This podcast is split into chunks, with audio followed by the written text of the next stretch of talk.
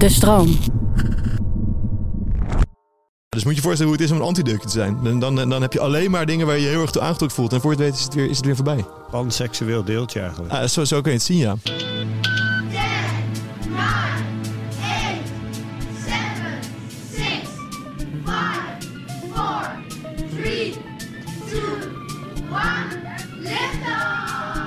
Welkom bij Bert Ziet Sterren, de populair wetenschappelijke podcast waarin ik samen met mijn goede vriend en promovendus theoretische natuurkunde, Bert, weer een duik neem in de wondere wereld der natuurkunde. Sorry, ik ben even afgeleid. Waarom? Ehm, ik zat te denken aan de grapjes die je vorige aflevering maakte. In welke grapjes? Toen hadden we het over Karl Popper. Toen deed jij... ja, dat vond ik echt een leuk grapje. Eh, ja, daar wilde ik het deze week niet over gaan hebben. Nee, begreep ik. Ehm, ik had eigenlijk een hele algemene en tegelijkertijd hele diepgravende vraag voor je. Oké, ik hou me vast. Waar, waar, Kees zit in de waarom-fase. Hm? Je, zoon. Die, die zou kunnen vragen, waarom is er iets, papa? Eh, iets? Ja, waarom, best- waarom, is Waarom besta jij? waarom is ooit de oerknal geweest en zijn er dingen ontstaan? Ja. En zijn wij hier nu? Ehm, nou ik, ik kan veel. Maar dit kan, ik- kan ik, hier kan ik geen, geen sluitend antwoord Wordt hier de natuurkunde over nagedacht? Ehm, nou ja, de echt diep filosofische vraag van waarom het de ladder is, ja, dat, dat gaat niet lukken. Maar er zijn wel theorieën die soort van laten zien dat het had wel even ook helemaal anders kunnen lopen. Er is bijvoorbeeld het idee dat alle materie en alle antimaterie samen vlak na de oerknal geannuleerd waren, elkaar in elkaar op waren gegaan, waardoor we met alleen maar een hoop straling waren achtergebleven. Ehm, materie denk ik te kennen. Namelijk? De dingen om ons heen zijn vaak materieel. Ja. Niet onze vriendschap hoor, maar wel Nee, eh, nee. de koptelefoon op jouw hoofd. Ja. Of die smoeselige fles spaarwater die je op tafel hebt staan. Eh, of jouw Volvo. Bij een auto. Antimaterie is... Dat klinkt natuurlijk heel lijp. Het is een, een, een object, of een object, een, een idee wat ook meer in, eh, in science fiction films nou, langskomt. Heel veel, weet je. Materie, antimaterie, botsingen in Star Trek om ruimteschepen aan te drijven. Zou dat mogelijk zijn? Eh, in theorie wel, daar komen we zo nog op terug. Ehm, maar dit klinkt dus heel specie, antimaterie, maar het is niet bedacht door filmmakers of zo. Het bestaat echt. En het is een echt natuurkundig concept. Ehm, want dat zal je niet verbazen. Materie in onze huidige wereld is opgebouwd uit deeltjes. Eh, en die hebben allemaal eigenschappen. Ze hebben een massa. Ze hebben een lading. Ze hebben nog een hele andere rits aan, eh, kwantumeigenschappen. Ehm, en al die deeltjes zijn gewoon normale deeltjes. Je hebt protonen, je hebt neutronen, je hebt elektronen, you name it. Maar, verrassing, die deeltjes hebben ook allemaal antideeltjes. En het belangrijkste kenmerk van die antideeltjes is dat ze dezelfde massa hebben, maar dat ze een tegengestelde lading hebben. En er kunnen ook nog andere dingen wel anders zijn, maar de lading die is altijd echt tegengesteld. Daarom is het een antideeltje. Een lading. Elektron is eh, negatief geladen, dus een anti-elektron is positief geladen, is een proton. Want, nee, een positron.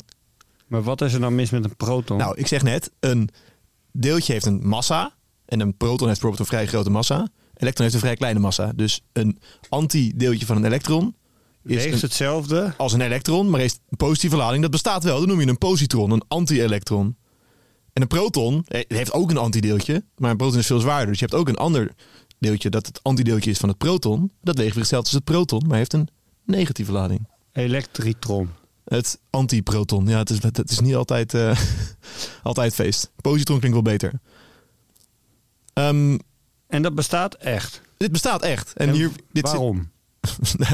Waarom kan ik je niet geven, maar het, het wordt gebruikt in de deeltjesfysica om eh, deeltjes, botsingen en dergelijke te beschrijven, te beschrijven. En het is ook zo dat als een deeltje op zijn eigen antideeltje botst, dus als je een elektron hebt dat botst op een positron, E plus, E min, als die op elkaar rammen, dan eh, annihileren ze. Dus dan gaan ze echt in elkaar op en dan komt er daarbij straling vrij. Of soms ook nog andere, lichtere deeltjes, in dit geval dan niet.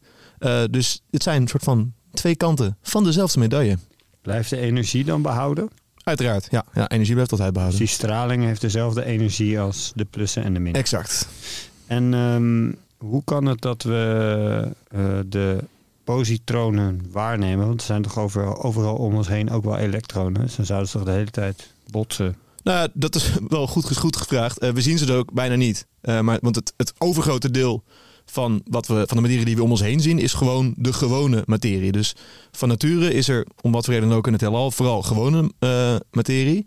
En als je echt je best doet, maar dan moet je ze zelf gaan produceren, bijvoorbeeld in deeltjesversnellers, kan je antimaterie produceren. Maar dat is eh, heel moeilijk en als je het zelf doet, is het nogal duur. Heel soms, ja, het kan ook gebeuren in hele hoog energetische kosmische stralingsbotsingen. Eh, maar je moet ja, met hoge energie deeltjes op elkaar botsen. En dan kan het zo zijn dat je een ehm, deeltje, antideeltje paar kan produceren. Eh, en het is ook zo trouwens dat het in verwaarloosbare hoeveelheden komt het wel, komen dit soort deeltjes vrij bij, eh, bij radioactieve processen. Maar dat, zijn- dat is gewoon echt heel weinig, maar dat gebeurt wel eens. Maar Dus, net genoeg om ze te kunnen vinden. eh, genoeg om ze te kunnen vinden, zeker, maar niet genoeg om ze lekker te kunnen bewaren. En een mooie, je kan niet even een loods vol, volleggen met antimaterie. En dat heeft er ook dus mee te maken. Nou, wat zeg ik eh, de hele tijd? Je hebt een deeltje met een po- eh, positieve lading en het antideeltje heeft een negatieve lading. Of andersom. In ieder geval, ze zijn tegengesteld. Nou, wat weet je van positieve en negatief geladen deeltjes? Neutraliseren elkaar. Nou, ze trekken elkaar in ieder geval aan. Dus ze willen lekker naar Ah. elkaar toe. Dus op het moment dat zodra je er eentje hebt, zal die natuurlijk snel. En ik bedoel, die, de, de andere kant, zeg maar, de, de, als je een antideeltje hebt, de gewone materie is overal. Dus die gaat lekker een soortgenoot zoeken, om het even heel, heel simpel te zeggen. eh, En annihileren, annihileren en die is weer weg. Ehm, dus je moet ze ook. Femme fataal, waar je helemaal aan kapot gaat, maar waar je toch toe aangetrokken voelt. Eh, ja, dus moet je voorstellen hoe het is om een antideeltje te zijn. Dan, dan, dan heb je alleen maar dingen waar je je heel erg toe aangetrokken voelt. En voor je het weet is het weer, is het weer voorbij. Panseksueel deeltje eigenlijk. Ah, zo, zo kun je het zien, ja. Eh, en als je ze wil, ja, zeg maar hoor. Nou, ik had eigenlijk twee vragen. Oh, nou, bram los. Vraag 1. Is het voorstelbaar dat er delen van het heelal zijn waar de antimaterie overheerst? Dus dat daar de balans eh, wordt vereffend? Ja, voorstelbaar misschien, maar er is niet heel veel aanwijzing voor. Oké. Vraag 2. In de sociale wetenschappen en de psychologie Ja. wordt er steeds meer kritiek geuit op het binaire denken. Hè? Man, Ja. vrouw, hetero, homo. Mhm. Is het niet tijd om ook in de natuurkunde een spectrum aan deeltjes Eh, ja, te maar, zien? ja, maar dan moeten we wel een aantal aspecten van ons begrip van de natuur, zoals het idee van een lading, wel heel fundamenteel gaan herzien. Ik weet Nou niet ja, waar je positief en negatief. Je hebt altijd gemengde gevoelens, toch? Vaak. Ja, maar ja, je hebt, je hebt ook wel neutrale deeltjes. Maar ja, een proton is nou eenmaal positief geladen. Daar kan ik, kan ik niet aan veranderen. Ja, maar dit, dit klinkt ook als eh, zeg maar die ene oom met zijn foute grapjes op je verjaardag. Die altijd zegt, ja nee, een man is gewoon een man, toch? Kan ik niet veranderen. Eh, ja, maar een proton is voor zover ik weet wel gewoon een proton. En ik, ik zou wel, eh, ja, ik, Het is wel binair, hè, die natuurkunde. Eh, nou, je hebt wel heel veel soorten ladingen. En een grote ladingen, kleine ladingen, positieve ladingen, negatieve ladingen. Het is niet allemaal één plusje en één minnetje. Hè? Een aluminium eh, ion is gewoon eh 3 plus of zo. Oké, Ehm, maar het zijn wel goede vragen. dat waren mijn vragen. Nou ja, dan kan ik er wel eventjes weer jou, jou, wat, wat meer daadwerkelijk zinnige informatie geven. Eh, die antimaterie die gaat dus meteen weer teloor in de wereld om ons heen, omdat er zoveel gewone materie is. Als je hem wil bewaren, dan moet je bijvoorbeeld hele kleine versnellers bouwen waarin ze rondjes blijven draaien, zodat ze niet op de muren botsen. Nou, dat is niet een hele efficiënte manier van bewaren. Dus alle antimaterie die we in totaal ooit hebben geproduceerd in experimenten, dat is maar een paar nanogram. En dan nog kan je dat niet bewaren. Maar, physical fun fact. In Star Trek worden ruimteschepen aangedreven door annihilatie van materie en antimaterie. En het leuke is, in theorie zou dit zeker kunnen. Bij een reactie waarin een antideeltje en een deeltje samengaan, komt namelijk heel erg veel energie vrij. Het is ook iets dat wel daadwerkelijk een beetje bestudeerd wordt door natuurkundigen. Het grote probleem is echter dat we nog mijlen en mijlen ver verwijderd zijn van het op grote schaal kunnen produceren en bewaren van antimaterie. Ehm, hoe maak je antimaterie? Een deeltjesversneller. Ja, dat voor- vooral. Maar kan je zeggen, ik wil één positron? Nee, zo, zo precies is dat dan ook niet te doen. Je moet met enorme energie die deeltjes op elkaar botsen. En op het moment dat je dus in een deeltjesversneller produceert, dan gaan ze ook meteen weer vervallen. Dus het is Ja, gewoon het is niet mogelijk- dat daar netto meer energie uitkomt dan dat je erin stopt. Nee, nee, nee. En, en het vooral zodat die deeltjes daarna meteen weer weg zijn. Dat je ze ook niet kan bewaren. Maar dat brengt ons nog niet... Ik wil je natuurlijk niet eh, helemaal met een kluitje in het riet sturen. Want jouw vraag in het begin was, waarom is er nou eigenlijk iets? En Mhm. niet niets. En dat is wel een, eh, een grote puzzel die ook met die antimaterie te maken heeft. Want er is namelijk, als je gewoon naïef kijkt, geen enkele reden om aan te nemen dat er na de oerknal wel heel veel gewone materie geproduceerd is en niet heel veel antimaterie. Dat is gewoon, als we kijken naar hoe we de natuurkundige theorieën hebben, is dat in principe gewoon helemaal niet logisch. En stel dat het zo was geweest dat er wel precies evenveel gewone materie als antimaterie was geweest, ja, dan hadden ze dus annihilatie gedaan eh, en dan was, was het opgegaan in straling en dan hadden we helemaal die materie niet gehad. En dat is dus wel een manier hoe er ook heel erg niks had kunnen zijn, maar dat is dus niet gebeurd. Maar waarom weten we niet? Nee, waarom weten we dus niet. Ehm, en dat is een van de grote onopgeloste problemen in de natuurkunde. Want je zou verwachten van als we kijken naar hoe deeltjes zich hier gedragen, dat het, zeg maar, nu is het bijvoorbeeld zo, je hebt, dat noem je het baryongetal. En dat heeft een bepaalde waarde voor de gewone deeltjes en dan andere waarde voor antideeltjes. En dat baryongetal moet behouden zijn. Dus je kan niet een reactie hebben waarin je begint met allemaal gewone deeltjes die dan ineens allemaal overgaan in antideeltjes of andersom. Maar overgaan. Nou ja, door bijvoorbeeld door ze op elkaar te botsen, dat je ineens begint met twee gewone deeltjes en dat je eindigt met twee antideeltjes. Dat Ja. in de wereld om ons heen zien we dat niet. En dat is een natuurwet die, die natuurkundigen nu, zeg maar, principe in de wereld om ons heen geldig vinden dat het niet kan. Maar zoiets moet er dan wel gebeurd zijn in het vroege heelal. Oh, Omdat er, omdat er, zeg maar, ergens is, is er heel veel antimaterie overgegaan in gewone materie. Maar dat soort dingen oplossen, ja, om ons heen zien we het niet. Sommige dingen zijn nog wat subtielere processen of dingen aan deeltjesprocessen die we nu zien, die wel erop kunnen wijzen dat er een overgang is geweest van met antimaterie naar gewone materie of een bepaalde ongelijkheid. Maar ja, we kunnen natuurlijk ook weer niet zomaar terugkijken in de tijd. Maar dat is dan wat, wat natuurkundigen proberen. Door, door nu naar deeltjes te kijken, te, on, te, te snappen hoe dat vroeger want, vlak naar de oorlog gegaan is. want logischer zou zijn dat er wel dat het een evenwicht zou zijn. Ja, dat, dat is eigenlijk wat je zou verwachten. Maar dat is dus heel erg niet zo. En Dus dat, het is ja. waarschijnlijker dat er niks zou zijn en niet iets. op basis van onze natuurkundige theorie wel. Maar op basis van wat we om ons heen zien ook helemaal niet. Want we zitten hier namelijk wel met elkaar. En niet, we zitten hier niet in een antimateriewereld. Hoewel dat wel vet zijn. Maar stel nou, jij komt de antibert tegen, hè? Ja, dan is het klaar. Dan is het één heftige neukpartij, dan is het klaar. Ja, dan eh, de vonken spatten er vanaf. En eh, daar, dat, dat is ook alles wat er overblijft. Ik hoop Ja, dat dat nog even duurt. ik hoop het ook, Tim. Ehm, weet ik genoeg om de Space Elevator in te stappen. Ik denk het wel. Eh, ik vind dat ik het best goed heb uitgelegd. Ik vind ook dat je het waanzinnig goed hebt uitgelegd. Oh man, wat zijn we toch aardig voor elkaar vandaag. Ehm, dan stap ik in de Space Elevator. Dan start ik mijn supersonische sportswatch. En dan hebben wij het over waarom er iets is, uitgelegd aan de hand van materie en antimaterie.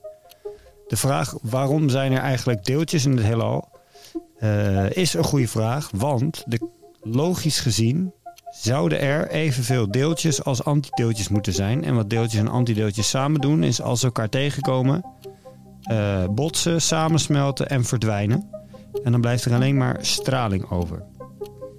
Maar in de wereld om ons heen zien we eigenlijk vooral veel deeltjes en weinig antideeltjes. En eh, deeltjes zijn dingen zoals we die kennen: elektronen, neutronen, protonen. En antideeltjes zijn eh, deeltjes met dezelfde massa als een deeltje, maar een andere lading. Dus een elektron heeft een bepaalde massa, zeg 1, en is negatief geladen. Dus het antideeltje van het elektron heeft eenzelfde massa, namelijk 1, maar is positief geladen en dat noem je een positron. We zien ze wel, we kunnen ze heel moeilijk bewaren, omdat ze de hele tijd aangetrokken worden tot materie en daarmee weer verdwijnen. Maar ehm, het is eigenlijk een onopgelost probleem in de natuurkunde waarom er niet meer antimaterie is en daarmee ook waarom we er überhaupt zijn. Eh, dat is de, de korte versie, maar dat is wel, eh, wel wat het is. Waanzinnig wel, hè? Het is, het is wel bizar. Echt leuk. Ja, zeker. Ehm, ga ik nog even een paar mierenneuken dingetjes, dingetjes zeggen, gewoon voor de, voor de puristen. Ehm, meestal komt er bij een materie-antimaterie botsing vooral straling vrij. Het kunnen ook nog bijvoorbeeld neutrino's zijn of eventueel wat andere lichtere nieuwe materie-antimaterie deeltjes.